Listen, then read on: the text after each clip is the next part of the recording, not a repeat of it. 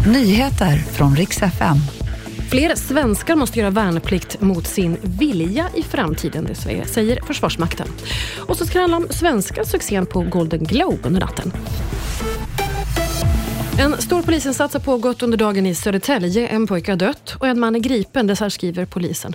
Pojken fördes till sjukhus, hans liv gick inte att rädda och enligt uppgifter till Expressen så skulle det vara pojkens pappa som greps på plats. Lägenheten är avspärrad för teknisk undersökning och dörrknackning pågår för att samla information. Fler svenskar måste göra värnplikt mot sin vilja. I framtiden planerar Försvarsmakten att utbilda 10 000 värnpliktiga varje år. Och 2030 ska det här dra igång. Nästan alla svenska 17-åringar anser att försvaret är viktigt, men bara hälften vill bli inkallade. Försvaret poängterar dock att det här det är inte frivilligt och landets försvar måste prioriteras högre än ens personliga intressen. Sveriges succé i Golden Globe-galan i natt ska handla om. Det är svenska kompositören Ludvig Göransson som prisades för bästa musik och det här är till filmen Oppenheimer. Alexander Skarsgård han var ju också nominerad, men han blev utan pris i år. Galans stora vinnare det var filmen Oppenheimer och tv-serien Succession.